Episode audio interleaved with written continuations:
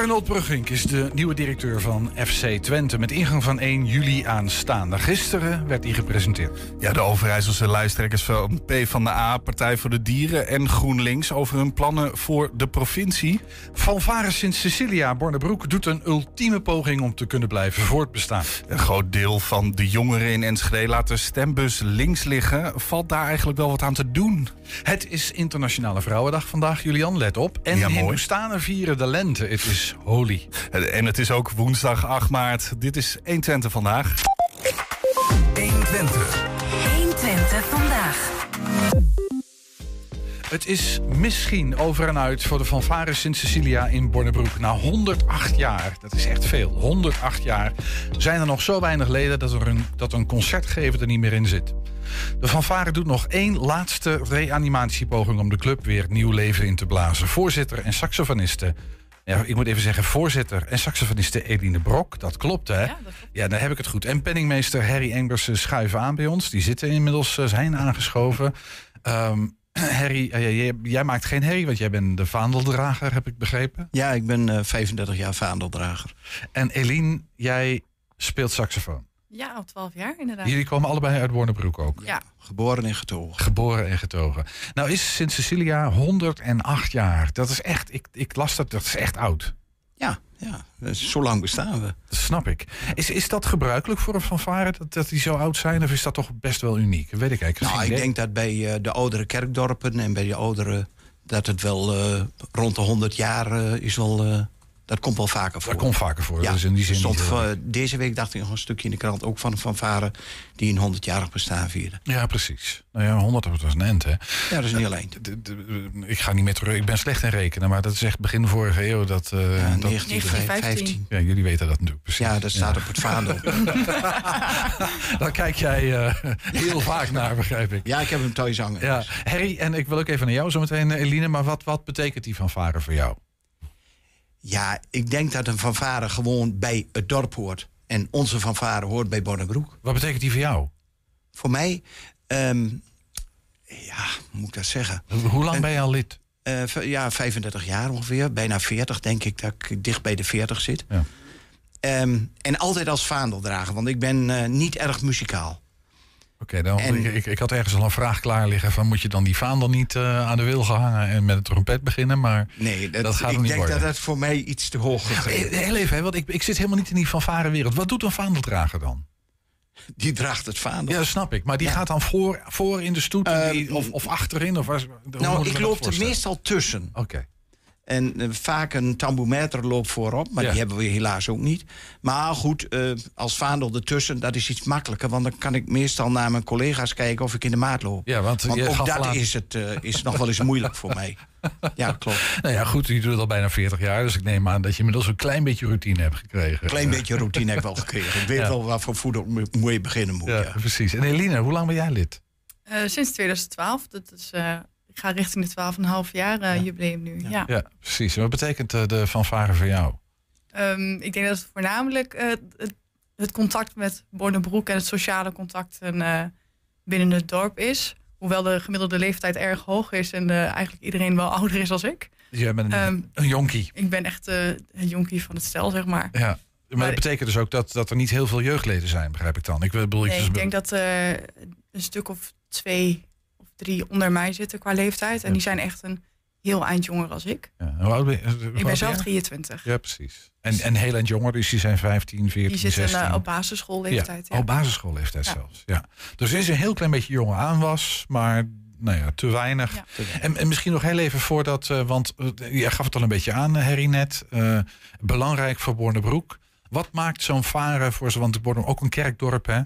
Ja. Mogen we rustig zeggen. Katholiek van oorsprong. Ja, katholiek van oorsprong, ja. Sint Cecilia, daar komt er ook vandaan natuurlijk. Wat betekent die van varen voor het dorp? Ja, wij, eh, wij, wij geven eh, een aantal concerten per jaar. Tenminste, dat hebben we altijd gedaan. Nou, dan, eh, dan speel je bij de eerste communie. Je hebt de Palmpasenoptocht. je, je blaast bij het, bij het paasvuur. als Sinterklaas ingehaald wordt bijvoorbeeld. Spelen we mee. De vaste momenten De waarop het dorp momenten. zich verzamelt. Ja. En dan verzorgen jullie de muzikale Ja. opluistering van Ja, en we, en we doen. eh, eh, we hebben in het verleden altijd een zomerconcert gehad, een kerstconcert. Een kerstconcert hebben we vorig jaar nog wel gehad, afgelopen aan het eind van het jaar. Nieuwjaarsconcerten soms. Dat Maar het klinkt alleen door van, nou, het, het is niet zo druk als dat vroeger was. En het is niet zo Nee, makkelijk meer. het- Leegloop van leden, is dat het probleem? Ja, ik, nou, ik, ik, ik denk met name nu eh, het laatste half jaar de leegloop van, van leden. Ineens. Ineens, ja, ja door omstandigheden. En, en wat voor omstandigheden zijn dat? Schets Ehm, ja, mensen die. eh één saxofonisten. Er zijn er vier vertrokken eind van het jaar, eind vorig jaar. Eh, Vier van hoeveel? Even. We hebben nu op dit moment 23 leden, waarvan vijf leerlingen. Eh, drie bij het fanfare en twee bij het, eh, het zijn drumleerlingen. En dan hebben we twee passieve leden, dat is onze bibliothecaris en on- ikzelf dan als vaandeldrager. Ja. Dus we hebben 16 spelende leden. Eén is eigenlijk ook nog een klein beetje rustend, omdat ze op dit moment eh, ergens anders studeert, dus bijna niet aanwezig is. Ja. Ja, dus dat is, en dat is, dat is weinig. Dat is maar je weinig, gaf al aan, studerende leden. Dus dat betekent dat zo'n fanfare heeft ook een opleidingsfunctie. Ja, ja. We, hebben, eh, we doen dat in, eh, in samenwerking met Kaliber. We hebben in het verleden ook wel eens eh, zelf de opleidingen gedaan met onze dirigent. Eh, maar we doen dat nu samen met Kaliber. Dus dat betekent dat op het moment dat er, dat er jonge Bornebroekers zijn... die zeggen van ik vind het leuk om een instrument te leren bespelen... die stappen in principe naar de fanfare toe. En daar Ja. kunnen ze een instrument... Ik, ik zie jou knikken, Eline. Ja. Is het bij jou ook zo gegaan? Ehm, ik denk dat ik een andere route heb bewandeld. Ik heb eerst vijf jaar lang blokfluit gespeeld vanuit de eh, school. kwam dat toen destijds dat je blokfluitles kon krijgen. Dat heb ik vijf jaar lang volgehouden. En toen uiteindelijk dacht ik van ik wil in een groep. Ik wil samen. Ik ben het alleen wel een beetje zat. En toen ben ik naar de muziekvereniging gestapt eigenlijk. En de muziekvereniging is dan de fanfare ook? Ja. Ja, Dat precies. is de. Ja. En toen heb je saxofoon. Dus van blokfluit naar saxofoon. Is Ja, dezelfde de- vingerzetting. De, hè? makkelijkste overgang inderdaad. Dus Ja. ik dacht, ik wil een stoer in- instrument. En dan dat toch makkelijk de overgang heeft. Is dat gelukt? Stoer instrument? Ja, ik vind van wel. Ja. ik zie. Zeker, zeker. Ja. Hey, en hoe, hoe, ho- hoe hoog is de nood? Eh, ik kijk jullie allebei even Erg aan. Maar, hoog. ja, erg hoog. En wat Ja. betekent dat? Op het moment eh, spelen we dan met 16 eh, leden. Ehm, en als je dan een beetje pech hebt, zoals een afgelopen vakantie, dan zijn er maar negen. Maar we kunnen ook op dit moment geen paasvuur spelen. We kunnen geen eh, concerten houden, want we hebben gewoon te weinig leden. Er is geen melodielijn in de, in de, in de groep, zeg maar. Dus we hebben eigenlijk niks voor mensen, wat, wat voor mensen mis je? Want ik kan als je zegt 16 mensen die spelen, ja, als dat 15 drummers zijn, schiet het niet op. Maar, maar Mhm. Nee, we wat- missen hoe zit dat? voornamelijk eh, de trompet en de bugelkant. dus echt de melodielijn. En die mis je helemaal? Of, eh, Nou, we hebben er nu één iemand zitten op trompet en twee mensen op bugel. Ja. Maar je merkt dat het, eh, de verhouding tussen het orkest zeg maar, is helemaal zoek. Dus je hebt heel veel zwaar en eigenlijk geen melodielijn. Is, is het ook zo dat je, en de, de, de- misschien zeg ik dat uit een soort utopie, dat je eh, leden kan lenen van andere verenigingen? Ik denk dat in de omgeving toch ook al heel veel problemen zijn met leden. Tenminste, wat we horen van andere verenigingen is dat ook een spelend Ja. onderwerp. Kijk, stel dat je een, eh, een, een, een, een, een, een, een optreden doet, een, een, een concert geeft... en er zou tijdens het, net voor het concert zou er iemand uitvallen... dan vliegen we wel iemand in. Dan, dan hebben we wel eh, m- wegen om mensen erbij te halen. Maar je wilt je basisbezetting wil je gewoon uit bij de muziekvereniging hebben. Dat moet, die moeten leden zijn. ja, je, je hebt ook voor je repetities heb je natuurlijk gewoon een, een soort van, eh, in ieder geval een kernbezetting nodig. Dat je Heb je alles kan doen wat je wil doen. Ja. Precies. En daar ontbreekt het aan. Ja. En nou ja, de, de laatste reddingspoging, maar, dat, dat klinkt ook wel heel erg eh, alsof de nood erg hoog is, inderdaad. Waar, hoe, waar, bestaat die laatste reddingpoging uit? Wat doen jullie precies? Nou, we zijn begonnen met eh, een flyeractie bij ons in Bonnebroek.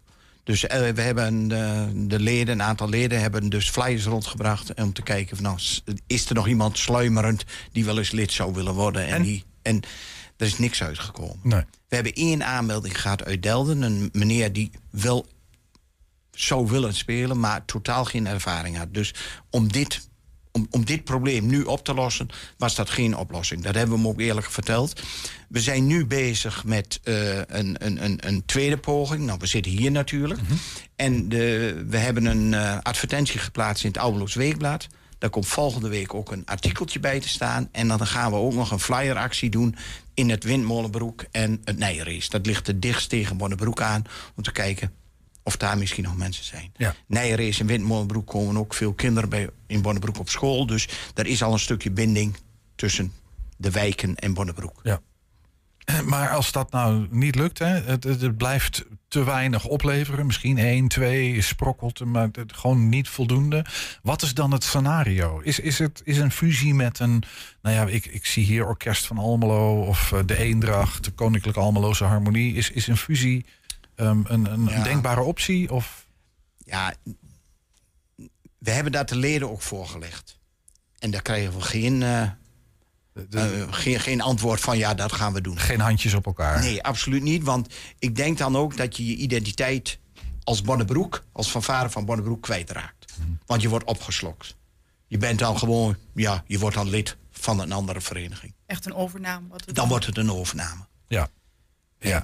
En, en, en stel dat je. eh Enter heeft bijvoorbeeld ook twee muziekverenigingen gehad. Die zijn samengegaan. Die blijven als een vereniging in Enter bestaan. Nou, dat is in Bonnebroek helaas niet mogelijk. nee, nee, want er is er maar één, dus Ja, er valt niks te fuseren. Eh, Ik ga toch even jou vragen, Eline. Is, is is er, hou je, want jij jij speelt saxofoon, je, vindt het, je bent bewust eh, in een groep gaan spelen, in een fanfare. Ja. Stel nou dat het gewoon niet lukt. Wat ga jij dan doen? Want saxofoon spelen vind je denk ik leuk, anders dan zat je er niet. Ja, ik heb daar wel eens over nagedacht. Ehm, Je wil er niet over nadenken. nee, ik vind het eigenlijk als ik eh, nu nadenk over het feit of de muziekvereniging stopt, vind, voelt het een beetje alsof we dan gefaald hebben of zo. Ehm, maar ik denk wel, als het, dat het echt stopt, dan zal ik op zoek gaan naar een vereniging waar ik, eh, waar ik me thuis voel, en waar ik, waar ik aansluiting vind. Ja. En Ik dat denk, zal eh, waarschijnlijk voor meer muzikanten in dat geval gelden. Ik hoop het, dat we dan met elkaar toch kunnen zeggen van misschien gaan we dan gezamenlijk naar een bepaalde vereniging. Ja. Ehm, Hoe, ik, probeer met een, een Bonnebroek. Hoeveel inwoners heeft het? Nou, met alles eromheen ongeveer 1900. 1900. Met de boerderijen. En, en hoe- Mag je hoeveel, microfoon heel even... Ja. 1900. Hoeveel, hoeveel trompetisten en, of, of bugelisten wil je erbij hebben? Zoveel mogelijk. Ja, snap ik. Maar doe, doe, eens, doe eens even. Wat, waar, waar, waar zou je mee... We zeggen, nou, als, als we dat hebben, dan kunnen we Als gewoon we verder. twee goede trompetten, een eerste en een tweede trompet. Twee is wel echt minimaal. Ik Ja. denk drie is mooi. Drie is mooi, ja. Ehm, Want dan heb je ook nog een beetje backup. En dan, eh, Ja. als iemand eens een keer ontbreekt in een, Ja. op een repetitie, dan is dat geen een ramp. Ja. Nee, een buffer, ja. Dus twee, drie trompetisten, bugelisten. Ja. Uit die 1900 Bonnebroekers. Die moet je Ja. ergens vandaan zien te peuren. Maar het hoeft niet alleen Bonnebroek te zijn. Nee, nee, Nee, nee. nee, Nee, want als iemand uit Borne mee wil doen en die zegt... nou ja, als ik op eh, sommige avonden heen en weer moet rijden... nou, dat vind ik het wel waard om een groep eh, eh, eh, medemuzikanten daarmee ook Ja. te ondersteunen... en nieuwe mensen te leren kennen. Ja hoor, is geen probleem. Want er zijn er nu ook wat. eh, uit- uit Hengelo hebben we een lid. Ja, er is wel een Bonnebroeken, maar ze woont nu in Hengelo. Ik kan me voorstellen, je moet, je moet je gewoon thuis voelen bij de Ja, club. je moet dat het over gaat. voelen, Ja. ja. En, we, en we zijn een gezellige vereniging. Hoor. Misschien nog heel even, hè, tot slot. Want aan wat voor een. En want je had het er al over. Nou ja, we, we zoeken ook mensen die gewoon echt nu kunnen inspringen. Ja. Dus niet per se leerlingen. Nee. Dat de leerlingen, ik, ik snap dat je leerlingen, daar heb je wat aan Ja. als je ze later ook een toekomst in de fanfare kan bieden. Inderdaad. Maar als die toekomst onzeker is, ja, dan begin je ook niet aan leerlingen nu. Kan ik met? Dat, Klopt. is, dat klopt toch? Ja. Ja, dat is eigenlijk wel zo. Ja, en- dus je zoekt nu mensen die al bugel, trompet kunnen spelen. Daar hebben we het heel specifiek over. Ja, hè? of in het verleden al een keer hebben gespeeld, het een beetje opfrissen en dan Ja. eigenlijk gewoon weer mee kunnen doen. Ja, en dat, mo- moeten ze bladmuziek kunnen lezen of hoeft dat niet per se? dat is wel handig. Ja, snap ik. Maar Bijna wel een vereiste. bijna wel een vereiste. Ja. Ja. om, omdat je anders de partituren niet snel genoeg je eigen kan maken. Nee. Oké. Ehm, andere eisen nog? Gezellig. Gezellig. Ja. Ja, ja, ja. Houden van gezelligheid. Ja, en houden het van kopje koffie mee gezelligheid. willen doen. Ja. En, en, en daarbij, we zijn een gezonde vereniging. We hebben voldoende instrumenten beschikbaar. Dus absoluut, alles is aanwezig. Dus financieel en qua organisatie, dat staat Hebben we het- allemaal. hebben we het het, heel ja. goed staan. Ja. Als mensen nou zeggen, twee of drie Bornebroekers... of mensen uit de wijde omgeving, Bornebroek en wijde omstreken... eh, die zeggen van, ja, ik, ik, ik ga, kom toch eens kijken. Waar kunnen ze zich melden? Wanneer? Waar? Bij wie? Dan kunnen ze zich denk ik melden eh, bij ons eh, via de website. Staat info.muziekvereniging.nl. Stuur een mailtje en eh, dan komt het bij de juiste personen terecht. En hoe is eh, het adres voor jullie website nog heel even? www.muziekverenigingbornebroek.nl Muziekvereniging Bornebroek.nl. Dat is goed te onthouden, denk ik. Dat is heel goed. Om. En even een mailtje sturen. En wanneer repeteren jullie? Elke maandagavond vanaf half acht tot negen. En waar? In Bornebroek. In- ja, dat snap ik. Maar waar? Sorry? In het cultuurhuis. In het cultuurhuis in, eh, Ja. in Bornebroek. Maandagavond. Maandagavond. En mensen kunnen even kijken komen nemen en zeggen... ik wip even binnen, Graag Zeker. zelfs. als ze maar gezellig zijn. Inderdaad. Heel goed. Eline Brok en eh Harry Engbersen waren dat. Van Fanfare Sint-Cecilia. Dank jullie wel. En ja, op de toekomst. Ik hoop dat die fanfare blijft bestaan. Dat hopen wij ook. Dank Doe je het, eh, misschien nog heel even. Daar is een camera. Doe een oproep. Eline, ga ervoor. Dan zet je me wel voor het blok. Ja, dat doe ik. nou, dus als je graag zal willen meedoen bij de muziekvereniging Bornebroek, meld je vooral aan en eh, wees welkom. Ja, wees heel erg welkom. Dank jullie wel. We wachten op jullie. Dankjewel. Wij wachten met jullie mee. Hou ons op de hoogte. Oké. Straks, exact over een week, gaan de stembussen open. De Overijsselse lijsttrekkers van P van de A. Partij voor de Dieren en GroenLinks proeven elkaars nieren. 120 vandaag. Arnold Brugging, we zeiden het net al, is vanaf 1 juli de technisch directeur van FC Twente. Dat is geen nieuws, dat wisten we al. Maar gisteren werd hij gepresenteerd in de Grolsvesten. Het is de eerste keer dat de oud-voetballer in zo'n functie actief gaat zijn. En dan meteen ook bij de club waar hij in het verleden ooit tweemaal als speler uitkwam. Dat is best gedurfd, kun je zeggen. Je hebt natuurlijk ook een geschiedenis hier eh, bij de club. In hoeverre is dat ook nog een overweging geweest... om als je eerste club meteen hier te starten... en misschien ook een, ja, een afbreukrisico wat dat met zich meebrengt? Ja, daar ben ik me echt wel van bewust. Eh, ik weet ook hoe, hoe snel het hier gaat. Dat merk je nu echt. Hè? Van het moment dat het, eh, zeg maar, dat het goed gaat... hoe eh, snel iedereen dingen ook normaal gaat vinden. Maar er zijn ook periodes geweest als het hier minder gaat... wat er dan gebeurt. En ja, dat hoort er, dan ook, dat hoort er ook bij. Maar als je daar bang voor bent... ja, eh, dan, eh, dan had ik hier inderdaad niet gestaan. Eh, ik heb er wel allemaal serieus over nagedacht. Het heeft bij... het heeft wel zeg maar, een tijdje geduurd, maar uiteindelijk ja, merk je gewoon dat het moment er is om er vol in te gaan. En dat heb ik nu. En dan wil ik het gewoon gaan doen. En dat, ik heb daar echt over nagedacht. Ja. Maar ik neem het op de koop toe. Ik ken de club als geen ander. Ja, ik ken de historie. ik, ik, ben zelf, ik heb zelf in Diekman gespeeld altijd nog. Ehm, ja, eh, ja, dat hoeft me niemand mij eigenlijk te vertellen wat hier allemaal eh, wat, ja, wat hier gebeurt. En wat hij ook kan. Eh, Maar ik zie het vooral als iets heel moois. Dat maakt deze club namelijk ook zoals die is. Er zit leven in. Het is hier ook zelden saai. Ehm, en persoonlijk, ik heb het wel altijd al- als een enorme pre ervaren. Dat, ik vind dat wel, ik hou daar wel van. Alleen ik wil graag dat de... Je bent er ook om uiteindelijk, je wil gewoon presteren. Eh, met, met de club. En ja, daar wil je, dat wil je gaan doen. En daarvoor zijn we met z'n allen hier. En dat is zoals topsport in elkaar zit. Hoe voelt dat om eh, de komende tijd iemand onder de vleugels te hebben?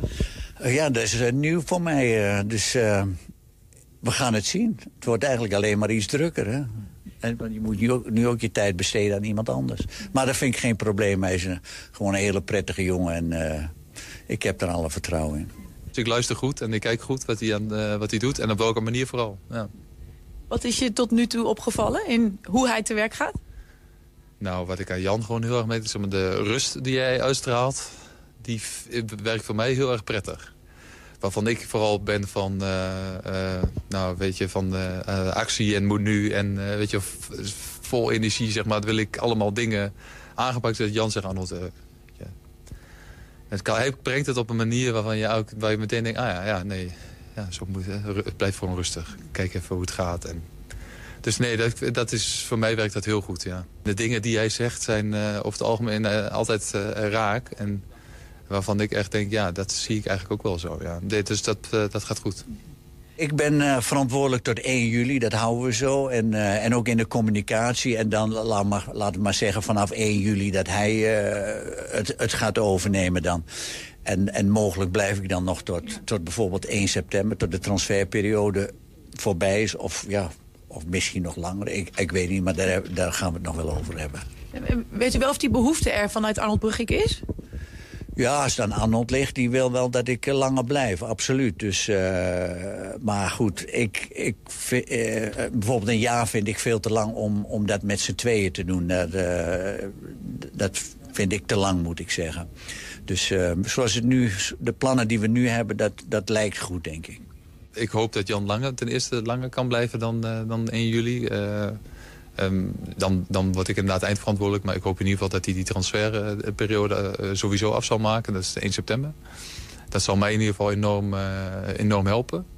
Ehm, ja, ik ben daar voor de rest ook niet zo, ja, niet zo bang voor. Ja, ik, ik, ik zie het als een enorme pre dat ik dit nu kan gaan doen. Dat ik mee, ik moet alleen heel erg goed een schifting maken van... oké, wat is voor nu belangrijk, dus voor het huidige seizoen...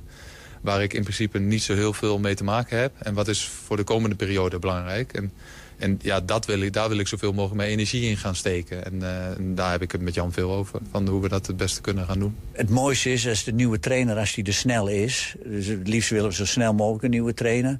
En als die erbij is en, uh, en die hoofdtrainer wil een bepaalde speler... en de technisch directeur, in dit geval ben ik het nog tot 1 juli...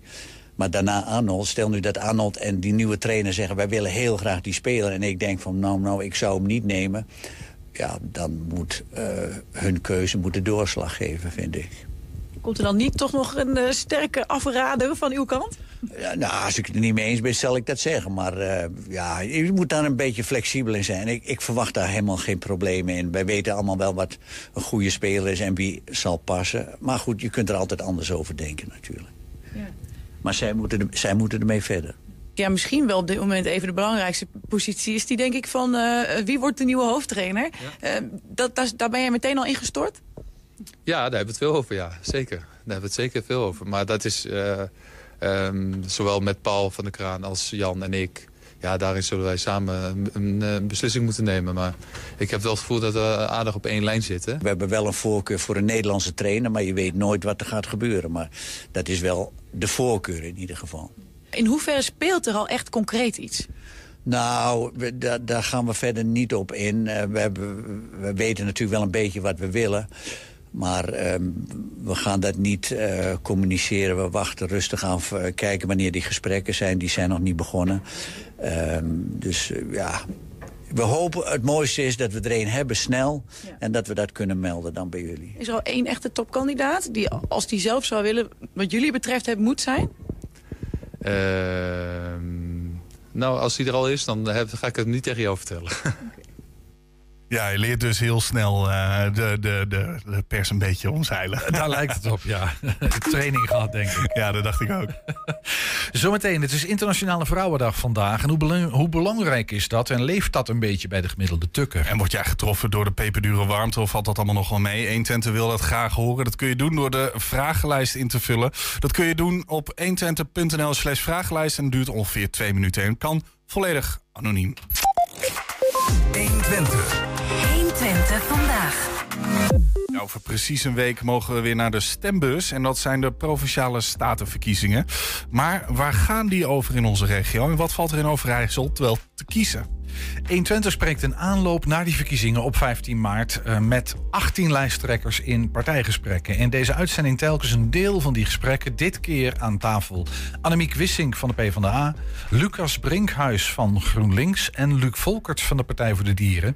Zij praten in de volgende video over natuurherstel en de toekomst van de boeren. Er komt een, stikstofbesluit vanuit Den Haag. Er komen straks regels, er wat geld bij. Kan de provincie daarbinnen nog, nog zelf iets bepalen? Ja, enorm veel. Nee, um, um, wij gaan straks echt als, als, als pro, provincie de koers bepalen. En, en, de, en de allereerste grote keuze die we te maken hebben... Uh, gaan wij mee in het, in het in het versterken en het behouden van, van, van onze prachtige na, na, natuurgebieden.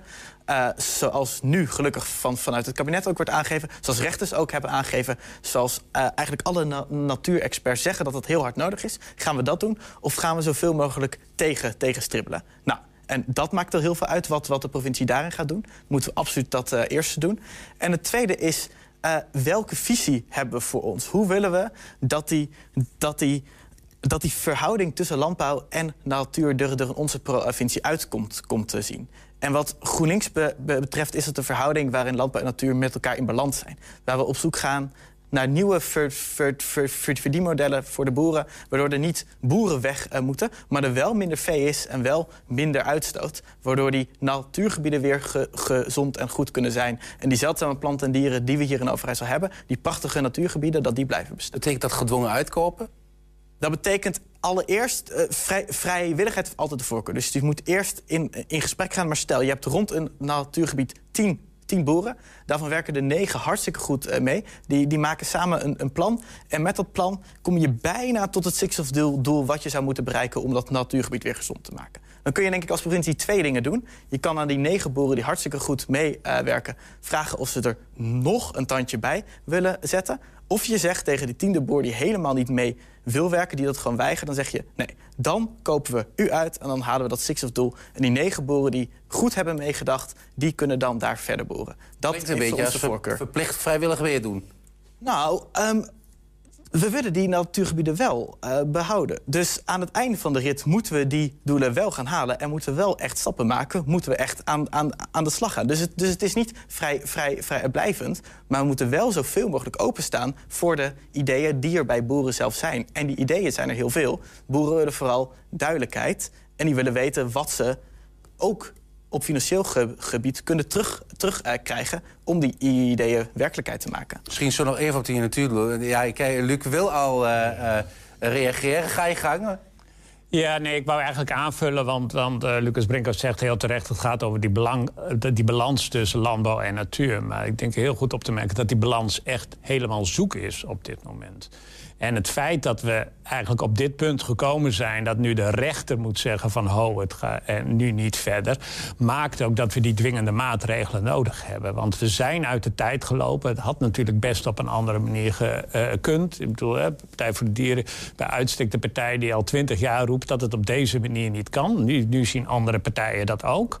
Maar we hebben nu alle maatregelen nodig. En, en het is ook niet eerlijk om te zeggen dat het op vrijwillige basis op dit moment alleen nog maar kan. Het is ook een ander aspect. Hè? En dus, eh, dat met het feit dat je op een gegeven moment verplicht boeren zo uitkomen, geeft je als provincie ook veel meer aanslag om inderdaad een goed bod te doen. Waarbij je eigenlijk de kans op vrijwillige medewerking ook vergroot. Partij voor de Dieren zegt radicale krimp van veehouderijen, 75 procent. Dat is wat naar onze schatting ongeveer nodig is om de veehouderij binnen de grenzen van uh, de ecologie te krijgen. Dat betekent eigenlijk dat je heel veel uh, boeren uh, gaat vertellen dat datgene wat ze liefste doen elke dag, hun passie, dat ze dat straks niet meer kunnen doen. Ja, maar dat wil niet zeggen dat we minder boeren nodig hebben. Want er moet natuurlijk wel voedsel geproduceerd worden en plantaardig, maar echt op een andere manier. En ik denk. Nee, maar ik kan me voorstellen, ja. kijk, als er iemand tegen mij zegt: ik mag niet meer schrijven, ik mag alleen nog presenteren. Dat is ook journalistiek. Maar ik weet niet of ik daar gelukkig van word.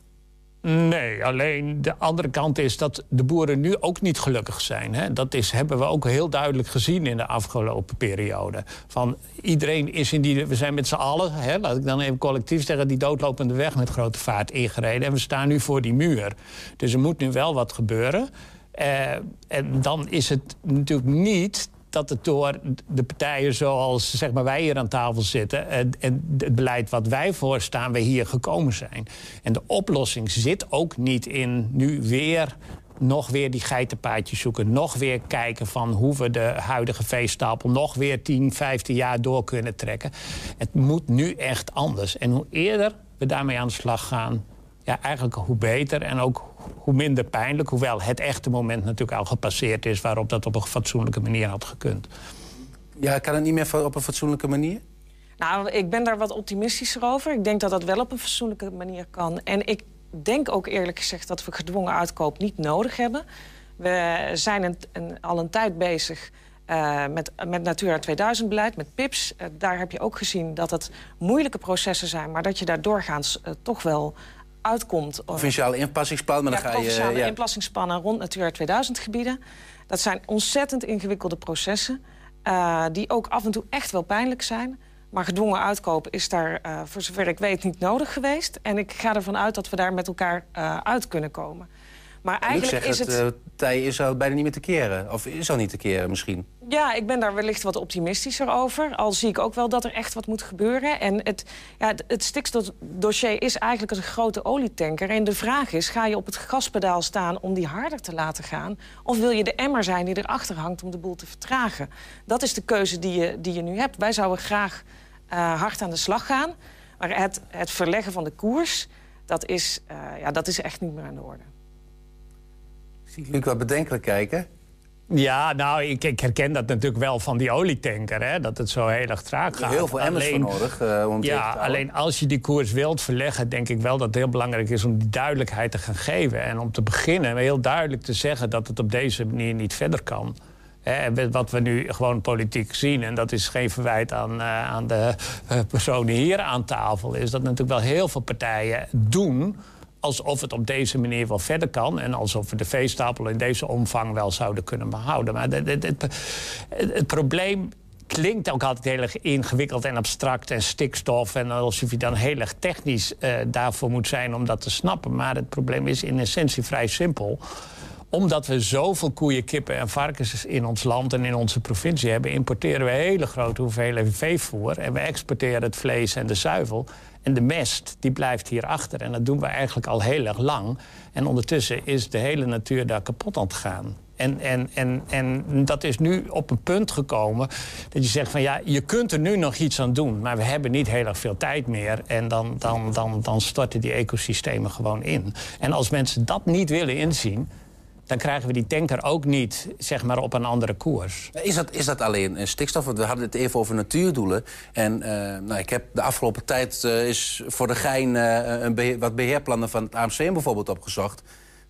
Nou, ik heb het niet vanochtend nog even kunnen nakijken. Maar volgens mij wordt daar twee of drie keer over wat, wat stikstof als zodanig wordt daar benoemd. Het gaat wel over de bewatering van het gebied. De Glanenbeek die helemaal droog ligt. Ehm, het gaat bijvoorbeeld in, in, bij natuurgebieden ook over een, gevolg van, hè, van die stikstofverbindingen... dat die, ehm, dat die heide wordt overwoekerd door, door gras. Maar dat kun je volgens mij ook door schaapskuddes in te zetten... eh, eh, nog wat in betekenen. En uitgerekend daarover lees ik eigenlijk in jullie programma's... van GroenLinks en Partij voor Dieren niet veel. Maar ik, hoor, ik zag schaapskuddes wel bij PvdA voorbij komen. Maar eh, corrigeer me, Luc. Als, Nee, dat, als- eh, daar, daar, daar eh, schrijven wij zeker over. Stikstof is een van de, is, is, is een van de factoren die ervoor zorgen dat het niet, niet goed gaat in natuurgebieden.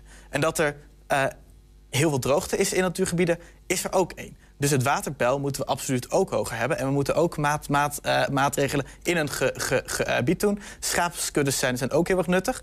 Maar als die voedingsstoffen daar alleen maar zijn zodat gras groeit en de voedingsstoffen er te veel zijn, zodat heide helemaal niet groeit... ja, dan kun je het, het gasveld blijven weghalen. Maar als door die, eh, door, die, door die hoeveelheid stikstof heide gewoon niet groeit... maar er gewoon weer nieuw, nieuw eh, gras groeit... ja, dan komt die natuur alsnog niet terug. Dus schaaps, schaapskuddes zeker doen, be- beheersmaatregelen in het gebied zeker doen... waterpeil verhogen, nattere natuurgebieden ook. Maar die stikstofuitstoot is een essentieel onderdeel. Want door die stikstof hebben de natuurgebieden ontzettend last van de BBB. De bomen, de brandnetels en de bramen. En die overwoekeren we alles. En die hele ecosystemen, al, al die biodiversiteit, alle planten, dieren die, die daarbij horen, die verdwijnen daardoor uit onze pro- provincie. En dat is gewoon ontzettend zonde. Maar we weten ook niet zo goed wat de gevolgen daarvan zijn op de langere termijn. Ook voor ons. eh, dus zowel voor de natuur als de mens is het gewoon hartstikke nodig om dat aan te pakken. Nu weet ik dat het AMSVN uitgerekend eh, in de afgelopen jaren geen subsidie heeft eh, gekregen. Het was een Europese subsidie, een lastige naam. Ehm, om, om dat soort beheersmaatregelen te kunnen uitvoeren. Maar is het dan een taak van de provincie om dat dan maar te gaan doen?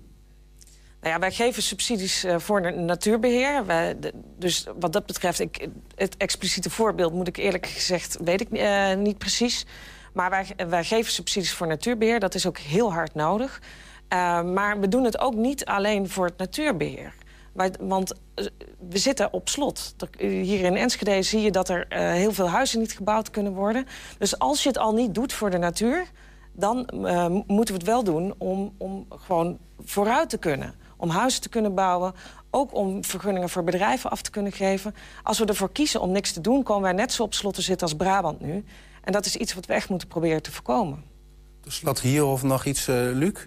Over die natuurherstelmaatregelen? Want ik zag bijvoorbeeld schaap, schaapskuddes niet voorbij komen bij jullie, maar...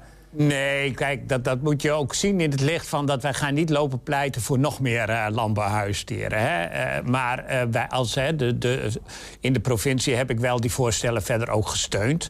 Ehm, maar die zijn er al. Ik denk dat het oneerlijk is om te gaan wijzen naar als het, alsof het beheer van de natuurgebieden niet in orde is. Hè? Sommige partijen doen dat en die zeggen dat daar het probleem is. Dat is gewoon niet waar. Ja, er is soms wel geld, geld te, tekort. Dus dat is soms, er is soms wel altijd geldtekort voor, voor het beheer van natuur en, en, en zo. Maar eh, het, het, het, het is zelf niet te onderschatten hoe destructief dat jarenlang, en decennia lang, overmaat aan ammoniak, aan stikstof op die gebieden is. En dat heeft best ook lang geduurd voordat we dat eh, zeg maar, goed begrepen. Maar we weten dat nu. En we weten ook echt voldoende dat het op deze manier niet goed kan. Dan kun je beheren wat je wilt, maar daar redden we het niet mee. Dus als we nu niet ingrijpen en als we nu bij wijze van spreken nog vier jaar doorgaan, zoals we de afgelopen periode gedaan hebben, ja, dan, dan valt er op een gegeven moment ook weinig meer te redden. Ja, dan blijft het echt dweilen met de kraan open. De vraag is, wil je de kraan dichtdraaien of wil je blijven dweilen? En wij willen liever de kraan dichtdraaien. Ja, dat was, eh, of dit waren, moet ik zeggen, Annemieke Wissing van de PvdA, Lucas Brinkhuis van GroenLinks en Luc Volkerts van de Partij voor de Dieren, lijsttrekkers in de provincie Overijssel. We hebben juist partijen bij elkaar gezet, misschien even goed om te weten, die wat op elkaar lijken, omdat de meeste mensen wel weten van, nou, ik ga een beetje links, ga een beetje rechts, groen of juist niet groen. Um, maar wat is nou het verschil tussen deze partijen? Nou, het hele gesprek kan je later terugzien. Um, En dat zelfs om zes uur, want dan is het hele complete gesprek te zien op televisie bij 120. Ook op YouTube is het gesprek dan integraal terug te kijken. En de komende dagen volgen andere partijen die ook een gooi doen naar zetels in de provinciale staten. Zometeen, hou, hoe hou je slecht geïsoleerde huis een beetje warm? Welbioons Woningcorporatie in Hengelo onderzoekt nieuwe manieren. Thermisch compartimenteren is zo'n nieuwe manier. 120. 120 vandaag. Ja, thermisch compartimenteren. Ja, dat ging goed, hè? Prachtige term. Ja, dat heb je heel goed gedaan.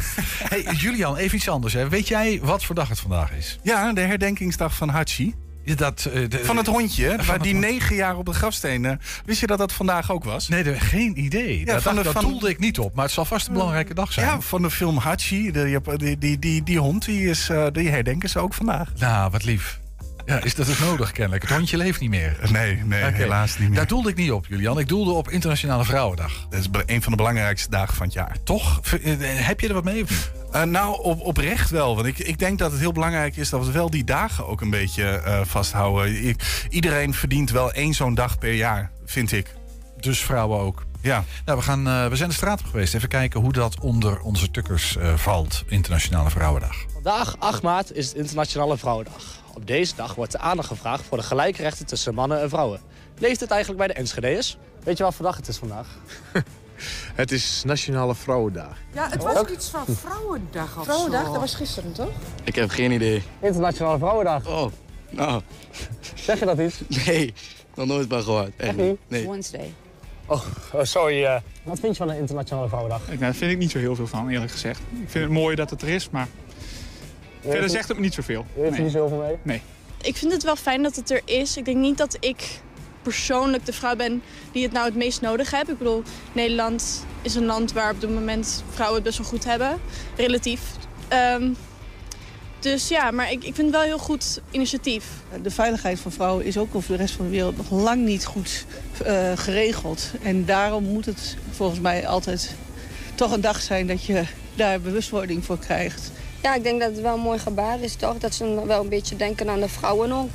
Volgens mij is deze dag staan nog eh, 26 andere dagen voor. En Nationale Donderdag en morgen is het weer de Nationale, weet je... Dat helpt niks, denk ik. Daar moet, je, daar moet je de overheid verantwoordelijk voor maken. Nu is het klaar, huppakee. En ik ga erop toezien, anders wordt het niet wat. Het is zelf misschien een keer iets van een verschil gewerkt tussen man en vrouw gelijkheid? Nee, Of- nee, nee. Nee? Nee? Eh, nee, nee, eigenlijk niet. Nee, nee. Ik had liefst met mijn vrouw wel, ik het niet zo. Nee, eigenlijk niet. Nee. Dus ah, het is zo op de werkvloer ook. Ik zelf ben echt, dat ik denk van we zijn allemaal gelijk en we hebben allemaal dezelfde mogelijkheden en dezelfde kansen. Maar het is wel zo, de vrouw is nog steeds degene die de kinderen krijgt. En je ziet inderdaad wel om je heen dat vrouwen dan minder gaan werken als er kinderen komen. Geniet van de dag gewoon en eh, ja, laat je je lekker verrennen. Laat je lekker verwennen. Leuk.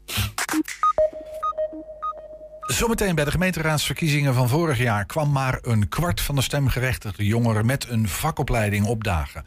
Een verkiezingsfestival bij het eh, Twentse ROC in Almelo moet daar veranderingen brengen, al is het maar een beetje. 120. 120 vandaag. Ja, woningcorporatie Welbions onderzoekt nieuwe methoden om sociale huurwoningen te verduurzamen. In de Hasselen S in Hengelo draait een proef waarbij twee eensgezinswoningen of eengezinswoningen zijn verduurzaamd door ze eh, thermisch te compartimenteren. Het is de bedoeling dat 120 woningen op deze manier worden aangepakt. Remy Suthoff, projectleider bij Welbions, legt uit wat deze manier van verduurzamen inhoudt. Het zijn twee pilotwoningen. Uh, dit is een lege woning en we hebben ook nog een bewonerwoning uitgevoerd. Uh, waar we thermisch compartimenteren hebben toegepast. Uh, dat is een, nieuw concept eigenlijk om gewoon de energietransitie betaalbaar te houden. Ehm, je ziet hier een hele nieuwe paai. We hebben alle buitengevelkozijnen van de woning vervangen. beneden met triple beglazing erin en top geïsoleerd. Ehm, boven hebben wij de paai ook vervangen. Er zit dan HR++ beglazing in. We hebben de, het, gas uit de woning gehaald. Dus we hebben de woning gasloos gemaakt. En uh, middels zonnepanelen uh, zijn de woningen straks uh, voorzien van energie. Maar we zijn natuurlijk heel nieuwsgierig naar hoe het zich houdt. dus we gaan nu meer dan een jaar gaan we monitoren.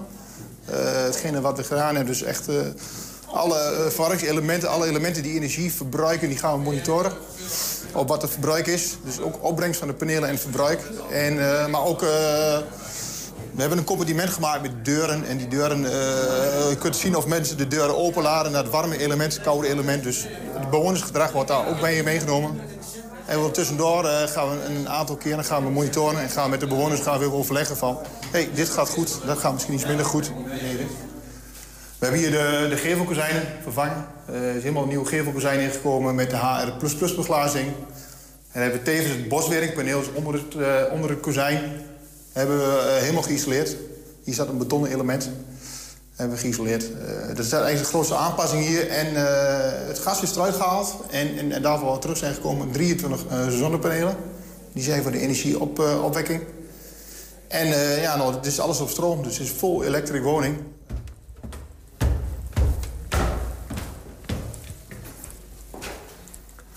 Nou, we zijn hier aangekomen bij de, bij de zolder, dus bij de techniek uh, van de woning. Uh, op deze plek hebben we een smart grid boiler van 120 liter voor de, voor de badkamer geplaatst. Uh, smart grid wil zeggen dat die, die boiler die, die monitort het gebruik. Die kijkt een beetje wanneer er wordt gevraagd. Dus die, die warmt ook niet altijd op volle warmte op, maar wanneer er meer vraag is, dan warmt hij op. Dus daardoor hopen we ook energie te besparen. Um, naast de boiler hebben we het mechanisch ventilatie-afzuigsysteem geplaatst.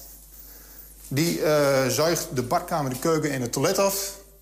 En die afzuiging is gekoppeld met de WTW-unit in, de, in, in de kamer. Uh, CO2-gehalte wordt gemeten. En ook als het te hoog is, zeg maar, begint, deze begint meer af te zuigen. En die WTW-unit die voert dan ook weer meer frisse lucht toe van buiten. Als de pilot slaagt, uh, daar gaan we absoluut voor. En ik ben steeds positief. Dan, dan hopen we inderdaad op een snel tempo met minder kosten... deze woningen te kunnen verduurzamen. Ja. En daarmee ook de, de CO2-reductie uh, op gang te helpen. Maar dat is natuurlijk ook een, grote, uh, een van de grote insteken. Ja. Zometeen, het is lente vandaag en dat wil zeggen Hindoestanen vieren Holi, het feest van de lente. Brahma T. Ramsodiet snakt, snakt naar het voorjaar. En hij schuift, hij schuift zometeen niet aan, we hebben hem telefonisch in de uitzending. Yes, en we zijn ook als podcast te luisteren via alle bekende platforms. Je vindt daar de hele uitzending elke dag en ook steeds één item uitgelicht. 120.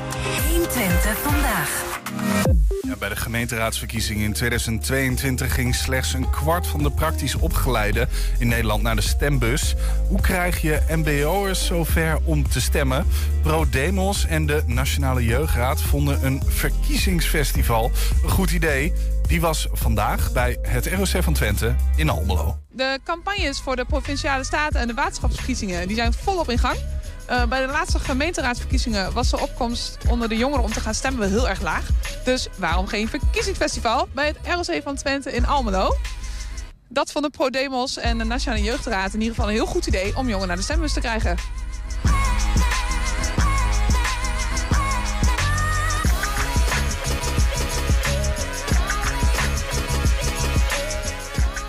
We willen hier eigenlijk met mbo-studenten in gesprek... Um, om samen met hen te bedenken wat ze belangrijk vinden. Wat ze belangrijk vinden in hun, in hun provincie.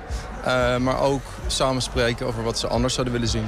We willen graag met ze in gesprek over um, de opties om te gaan stemmen, eh, waarom dat belangrijk is. Uiteindelijk moet iedereen zelf beslissen of ze gaan stemmen. Eh, maar ze willen dus hier wel kennis laten maken met eh, het electorale systeem en Ehm, hopelijk gaan ze dan ook stemmen, want dat vinden wij wel belangrijk. Ja. Jongeren die komen natuurlijk best wel vaak al niet opdagen om te stemmen. En eh, de mbo-doelgroep is nog wel eh, groter of meer vertegenwoordigd in die groep jongeren die niet komen stemmen. Dus wij vinden het als Nationale Jeugdraad heel erg zonde dat jongeren niet gaan stemmen. Eh, jongeren hebben al weinig politieke invloed. Ehm, met name door de lage opkomst. En volgens mij is de groep mbo'ers daarin oververtegenwoordigd. En dat is zonde, want als ze gaan stemmen... dan kunnen ze ook echt gerepresenteerd worden eh, in de politiek. En volgens mij is dat superbelangrijk met, eh, in deze vergrijzende samenleving waarin wij eh, wonen.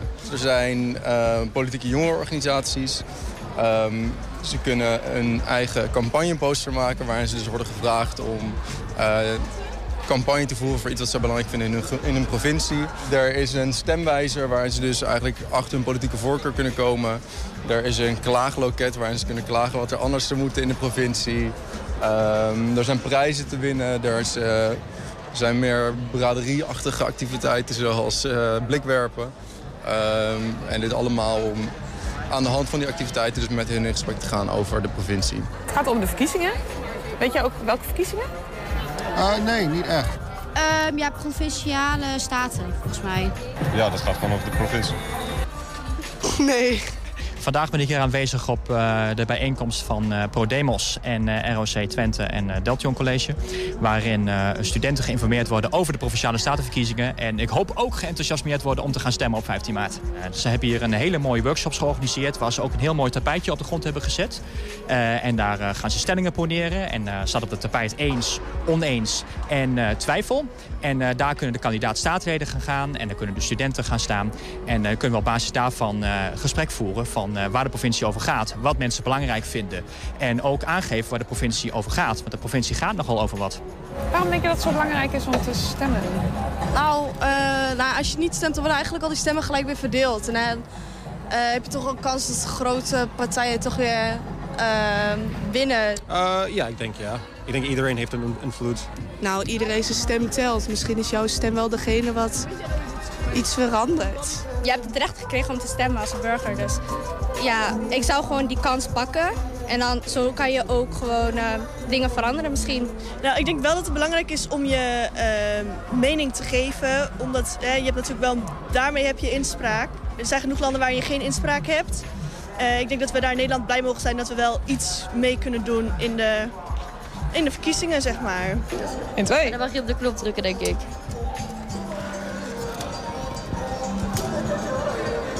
En wat komt eruit? De V, Forum van Democratie, de PVV. en ja, 21. Ja, het zijn niet echt eh, de partijen die het meest eh, in het goede daglicht staan, zeg maar.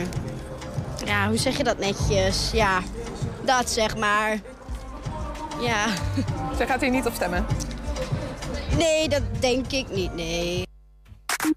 Heb je een tip voor de redactie? Mail dat dan eventjes naar info.120.nl 120. 120 vandaag. Ja, doen hè, dat mailen. Het Hindoestaanse lentefeest Holi is vandaag. En nu kan het zijn dat je bij het horen van Holi nou niet meteen weet wat dat is. In feite is die viering een combinatie van een aantal feesten. Tenminste, voor zover wij het begrijpen. Het lentefeest, het nieuwjaarsfeest en een feest van de overwinning van het goede op het kwade. Ook kunnen mensen, eh, het, dat ken je misschien wel, die beelden van dat gekleurde poeder. Iedereen die allerlei kleurtjes gaat krijgen. Aan de telefoon hebben we Enschede, kunstenaar. Ens, nou ja, van alles nog een spoke-word kunstenaar. Brahma Ramsediet. Hi Brahma, goedemiddag. Hi. Hey. Ja, wat, een, Wat, wat, wat een kleurige intro. ja, mooi hè? We, we- we Ja. hebben, we hebben een beetje op jou aangepast. Heb, heb jij je telefoon op de speaker staan, eh, Brahma, of niet? Eh, ja, zal ik eventjes eh, wat, eh, wat dichterbij gaan zitten, momentjes. Want jij- jouw, jouw, jouw, jouw prachtige stem klinkt een beetje dunnetjes op deze manier. Dat is zonde. En dat voor een spoken word eh, artist. Daarom. Het is natuurlijk een gekte hier in Enschede. eh, maar dat is misschien voor een andere keer. Ja, ik, eh, ik heb een plekje kunnen vinden. Heel goed.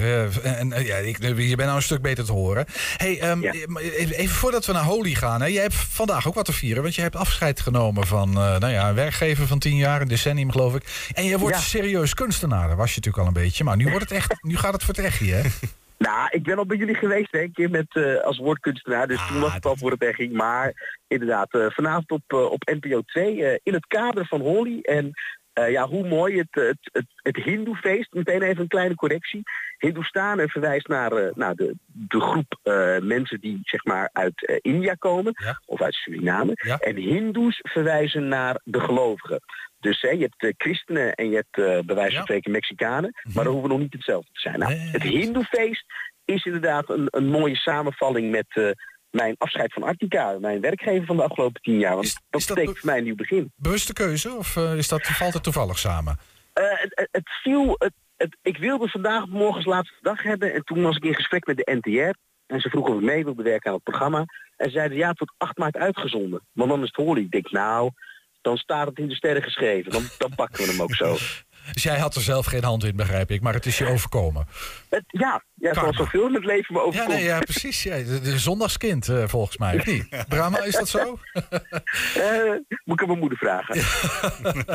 hey, maar eh, Brahma, jij, jij viert Holi. Want jij komt uit... Jij, jij bent hindoe. Ik ben, ik ben ook wel hindoe gelovig. Eh, wat ik er la- meteen lastig aan vind, je hoort me stotteren, is je hebt zoveel vormen van hindoeïsme. Ehm, en eh, nou, ik ben bijvoorbeeld bewust vegetariër omdat ik dat eh, vanuit een eigen overtuiging prettig vind. Dat past ook wel heel erg bij de hindoe lifestyle zou je kunnen zeggen. Ik vier Holi niet met poeder dit jaar. Ik heb het wel eens in Enschede met poeder gevierd. Ehm, dit jaar vier ik het denk ik vooral door nou, met jullie te bellen. En doordat ik er dit jaar een kunstwerk over heb gemaakt. Wat voor kunstwerk heb je gemaakt? En in, in wat, wat mij heel erg triggerde toen we het hadden over Holly met, met het programma, is dat het, je zei het net al, het gaat over de overwinning van het goede op het kwade. En ik vraag mezelf wel eens af, bestaat er zo wel zoiets als goed en kwaad? Ik vind het heel boeiend dat als we het over God hebben, hè, in welke religie dan ook, dat we dan ook meteen daaraan vastplakken dat, dat die ook over goed en kwaad gaat. Misschien bestaat het wel niet. Nou, dat onderzoek ik eigenlijk in die spoken word. Eh, ja, dus het kunstwerk is een spoken word eh, stuk. Dat is... eh, Oké. En, en, en dat kunnen we ergens zien, meemaken, horen? Ja, dat is natuurlijk altijd zo'n momentopname. Daar moet je bij zijn, anders dan mis Dus je dan, dat. dan moet je. Nou, ik, heb, het- ik heb dit echt speciaal ook gefilmd hier in Almelo bij Studio Mad. Dus het is echt een, een volledige performance die, waar alles, over alles is nagedacht. Ik ben één van de drie kunstenaars die gevol- gevolgd worden in het programma. Dus je hebt ook nog een, een graffiti artist die nou, op straat kunst maakt. En je hebt een koor, ook nog eens uit Enschede, intervocaal. Eh, een wereldkoor. En daar zijn er niet zo van, veel van in Nederland. En daar kwamen ze ook voorbij uit in Enschede. En eh, die zingen een heel bekend Holy-nummer. Ja. Hey, eh, neem ons eens mee, Brahma, in dat, in dat feest Holy. Want wij kijken daar als, als blanke Westerlingen een beetje naar van... nou, het is vrolijk en, en we vinden het leuk om ons in, in poeder en in kleuren te hullen, zeg maar, tijdens dat feest. Hè. Dat vinden we dan grappig. Maar het gaat wel een paar tandjes dieper, volgens mij. Ja, dat, zeg je heel goed. Ik, ik, kijk, wat, ehm, eigenlijk als je ons, ik noem het even, ons westerse carnaval neemt, hè, dan is ook iedereen gelijk. Iedereen dost zich uit. Eh, daar durf ik wel een parallel te trekken. Het idee bij Holly en het gooien van poeder en elkaar bepoederen draait ook over het, het uitwissen van klassen. Het uitwissen van het feit dat we eh, anders zijn. Eh, en eigenlijk vieren dat we daarin allemaal gelijken zijn. En die, die poeder, hè, als je, of je nou een directeur bent of, eh, of een jongen van de straat bij wijze van spreken, het maakt niet uit. We kunnen met elkaar datzelfde spel spelen. Precies, dus een soort gel- het, het, het gelijk trekken van de klasse. En tegelijkertijd, ja. misschien dat we nu wat eh, te, te, te diep gaan hoor. Maar, Nee, let's go man. Ja, let's go. ja, nee, precies. Maar als ik, als, ik, als ik aan Hindoeland bij uitstek India denk, dat, dat hangt natuurlijk aan elkaar van klassen. Of is het dan één dag waarin die klassen er even niet meer toe doen? Ja, voor de echte expertise zou je het een Indiër moeten vragen. Hè. Mijn voorouders kwamen uit India, mijn ouders uit Suriname. Ik ben geboren in Nederland. Ehm, maar laten we wel zijn, klassen, hè, in, daar noemen ze het kasten, maar klassen hebben we in onze samenleving natuurlijk ook. Helemaal eens. Ehm, dus dus het, ze zijn daar denk ik wel wat duidelijker geduid. Of eh, het is misschien moeilijker om uit de klas te komen. Maar als jij hier ehm, nou ja, in, een, in een achterstandswijk woont, Eh, of misschien juist wel, eh, als jouw ouders aan wintersport doen, is de kans groot dat jij ook aan wintersport gaat doen. Dus die, die klassen leven ook bij ons. Ik denk dat het in India, ehm, India is een belachelijk groot land, hè, ehm, dat dit wel centraal staat, die gedachte van vereniging. Ehm, maar weet je, daarom ben ik er ook een beetje zuur over. En dat hoor je misschien ook wel in mijn spoken word vanavond.